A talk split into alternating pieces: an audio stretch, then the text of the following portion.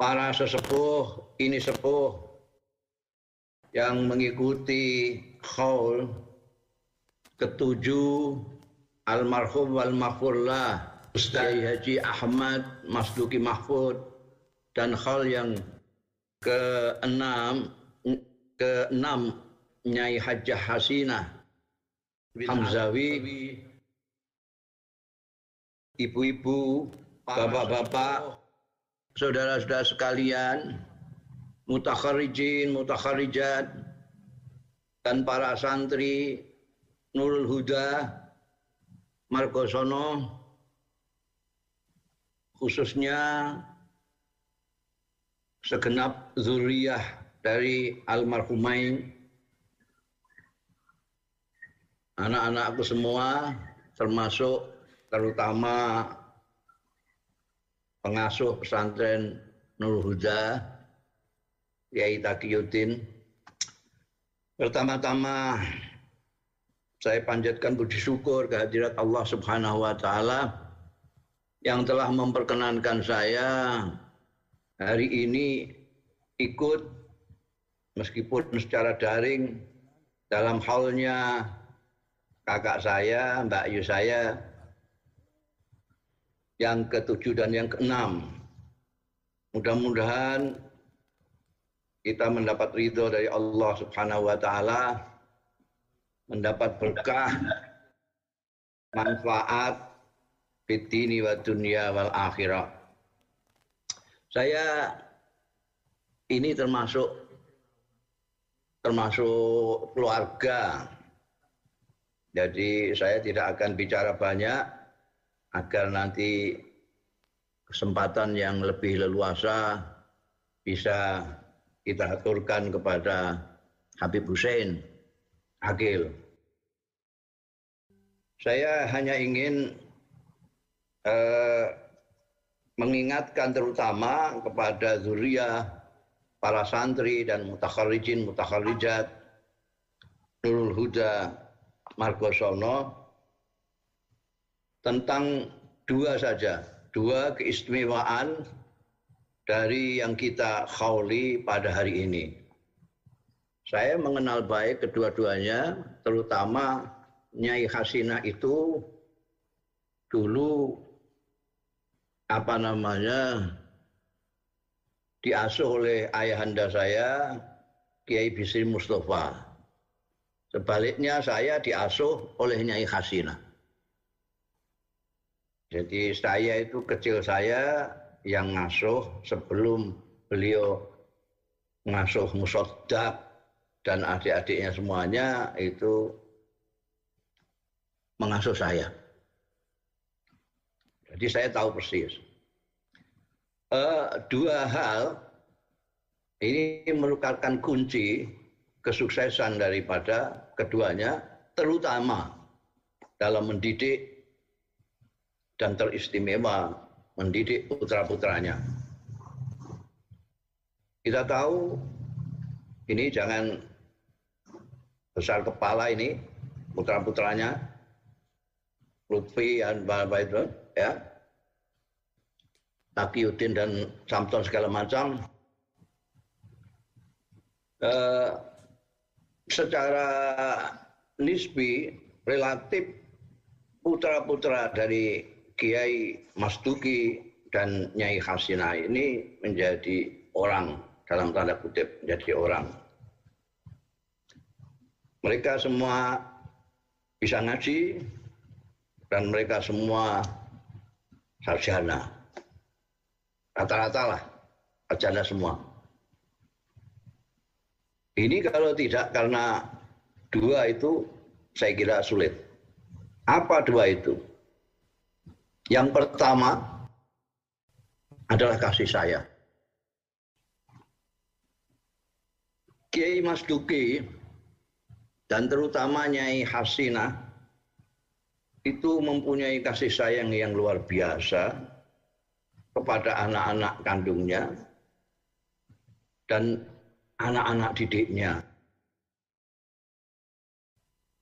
Kepada keponaan-keponaannya, pada adik-adiknya, itu kelihatan sekali kasih sayangnya. Jadi eh, sejak kecil saya sudah merasakan betapa beliau itu sangat sayang, sangat peduli dengan orang-orang yang ada di bawahnya. Yang kedua, samping kasih sayang adalah disiplin. Kak Duki, begitu saya memanggil Kiai Mas Duki, itu disiplin sekali terhadap anak-anaknya. Tapi karena dilambari oleh kasih sayang, maka disiplin itu tidak menjadi kaku. Nah ini seni yang harus dipelajari oleh anak-anak didiknya, terutama anak-anak kandungnya. Bagaimana bisa menyayangi dengan tetap disiplin atau disiplin dengan tetap mengasih sayangi. Seringkali orang yang kepengen disiplin lalu kehilangan apa sentuhan kasih sayang itu. Ada yang orang itu menyatakan kasih sayangnya meninggalkan disiplin. Disiplin itu dalam arti yang wajib harus dianggap wajib, yang sunnah harus dianggap sunnah, yang larangan dianggap larangan, yang baik ditetapkan dengan pas. Jadi kadang-kadang orang yang menyayangi seseorang, misalnya anaknya atau anak didiknya, kadang-kadang tidak mempertimbangkan ini. Pokoknya bagaimana menyenangkan yang disayangi itu saja. Apakah yang disenangi oleh kesayangannya itu keliru atau benar diikuti. Ini kasih sayang yang tidak berdisiplin. Ada yang berdisiplin tapi tanpa kasih sayang. Akhirnya apa? Akhirnya orang-orang yang ada di bawahnya, anaknya, anak didiknya ini merasa dikejami oleh. Padahal maksudnya tentu baik. Maksudnya tentu baik. Kita lihat saja misalnya, eh, semuanya yang kita lakukan, termasuk yang dilakukan oleh Kiai Mas Duki, Allah Yarham, dan Kiai Nyai Hasinah, Allah Yarham, adalah mengikuti jejak Rasulullah Shallallahu Alaihi Wasallam, pemimpin agung kita al khairu kullu fitiba'ir rasul sallallahu alaihi wasallam. Dan uh, tentu saja kita tidak bisa persis atau mendekati saja mungkin sulit mendekati perilaku Rasulullah Shallallahu Alaihi Wasallam. Tapi sedikit banyak kita berusaha, misalnya dari kasih sayangnya ini, kasih sayangnya ini setiap orang mestinya bisa lah kalau mempunyai hati dan sanubari. Para kiai, para ustadz terutama ini sangat penting saat ini. Kita tahu bahwa kanjeng Nabi Muhammad Shallallahu Alaihi Wasallam itu beramar ma'ruf nahi mungkar pun itu harus dipahami dengan landasan kasih sayang. Bahkan saya sering mengatakan bahwa amar ma'ruf nahi mungkar itu sebenarnya adalah manifestasi dari kasih sayang. Orang tidak akan beramal ma'ruf, bernahi mungkar terhadap sesama kalau dia tidak menyayangi sesama itu. Tapi akhir-akhir ini lalu amal ma'ruf nahi mungkar tidak lagi berlandaskan kasih sayang, tapi banyak yang berlandaskan kebencian. Dan itu salah memahami perilaku Rasulullah Shallallahu Alaihi Wasallam. Mestinya dan ini harus dimulai dari pemimpin-pemimpin, para kiai, para ustadz, memulai mencontohkan sedikit banyak, khusus bisa banyak, apa yang dilakukan oleh Rasulullah Shallallahu Alaihi Wasallam kaitannya dengan umat kaitannya dengan anak-anak didik, kaitannya dengan orang-orang yang perlu kita ajak ke surga. Hari-hari ini kita menyaksikan banyak sekali orang-orang yang ingin mengajak ke surga, tapi dengan cara neraka.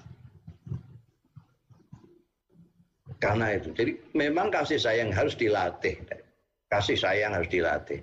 Kalau sekarang putra-putranya Ki Mas Duki dan Nyai Hasina tidak mempunyai kasih sayang kepada sesama, kepada umat, berarti dia tidak bisa menyerap apa yang dididikkan, baik secara makol maupun hal oleh kedua orang tuanya. Demikian pula santri-santri dan mukhatar kharijin. Kalau hanya melihat misalnya Kiai Mas Tugu itu keras, tidak di sana tidak mendapatkan nuansa kasih sayangnya, berarti dia gagal memahami kiai, menyerap ilmu. Ilmu bisa dicari sendirian bisa. Bisa. Sekarang ada Google. Kalau tidak mau membaca sendiri, ada Google. Tidak bisa mutolaah sendiri. Ada banyak kesempatan kita membaca melewati internet. Tapi satu, keteladanan, kasih sayang kepada sesama.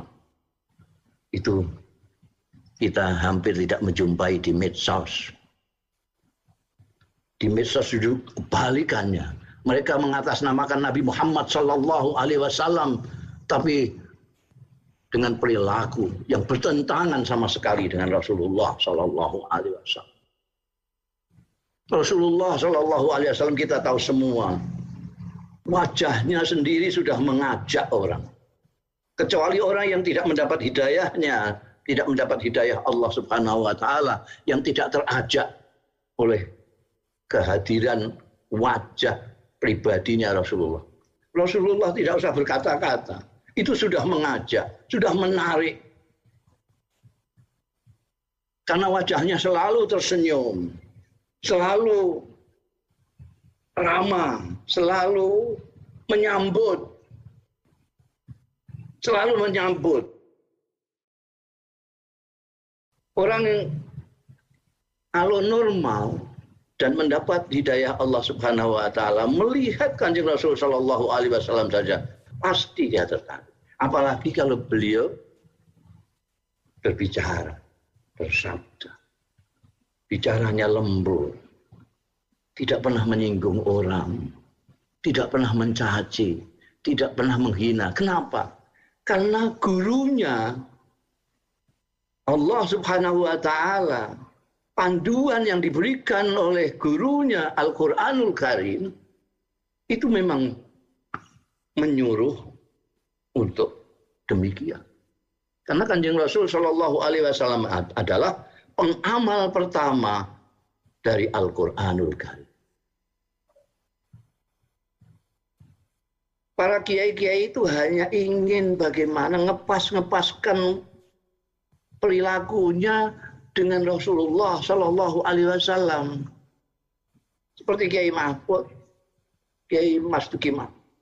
Kiai-kiai itu ya sebisa-bisanya ada yang bisa meniru disiplinnya, meniru kasih sayangnya, ada yang meniru bagaimana menyebarkan ilmu. Tapi saya ingin terutama menghimbau kepada kiai-kiai muda ini. Ini jangan sampai tidak meniru berusaha meniru kanjeng Rasul dalam kasih sayangnya ini. Kasih sayangnya kepada umat. Ada umat. Umat ini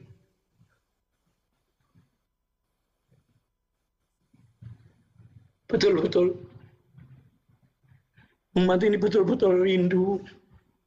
Rindu kepada akhlaknya Rasulullah Sallallahu Alaihi Wasallam. Rindu kepada perilakunya yang santun dari Rasulullah Sallallahu Alaihi Wasallam. Tolong para kiai para ustadz para habaib tolong hadirkan lagi akhlaknya Rasulullah Sallallahu Alaihi Wasallam. Kasih sayangnya Rasulullah kepada sesama dakwahnya Rasulullah yang mengajak tolong itu dihadirkan. Tolong dihadirkan itu kasih sayang. Agar orang-orang yang awam yang tidak paham Al-Qur'anul Karim kurang paham dengan pribadi Rasulullah Shallallahu Alaihi Wasallam bisa menyimak bisa menyimak anda sekalian yang ngerti Al-Quran yang ngerti sirah Rasul Shallallahu Alaihi Wasallam tolong tampilkan itu. Bukan hanya dalam ucapan saja tapi dalam perilaku. Tolong tampilkan itu dalam perilaku agar orang-orang awam yang lugu-lugu ini bisa menirunya. Mudah-mudahan inilah termasuk jariah Anda sekalian. Kalau Anda sudi menampilkan akhlak Rasulullah Shallallahu Alaihi Wasallam dalam masyarakat terutama yang sekarang ini. Cukup itu, cukup itu. Dan cukup apa yang saya sampaikan sekarang ini. Nanti kita dengarkan saja apa yang akan dijauhkan oleh Al Habib Hussein bin Alwi. Demikian kurang lebihnya saya mohon maaf. Wallahu yuwaffiquna ila ma fi khairul Islam wal muslimin. Khairun nahdlatil ulama wan nahdiyin wa khairu Indonesia wa Indonesia wa astaghfirullahal azim li wa lakum wal afu minkum Wassalamualaikum warahmatullahi wabarakatuh.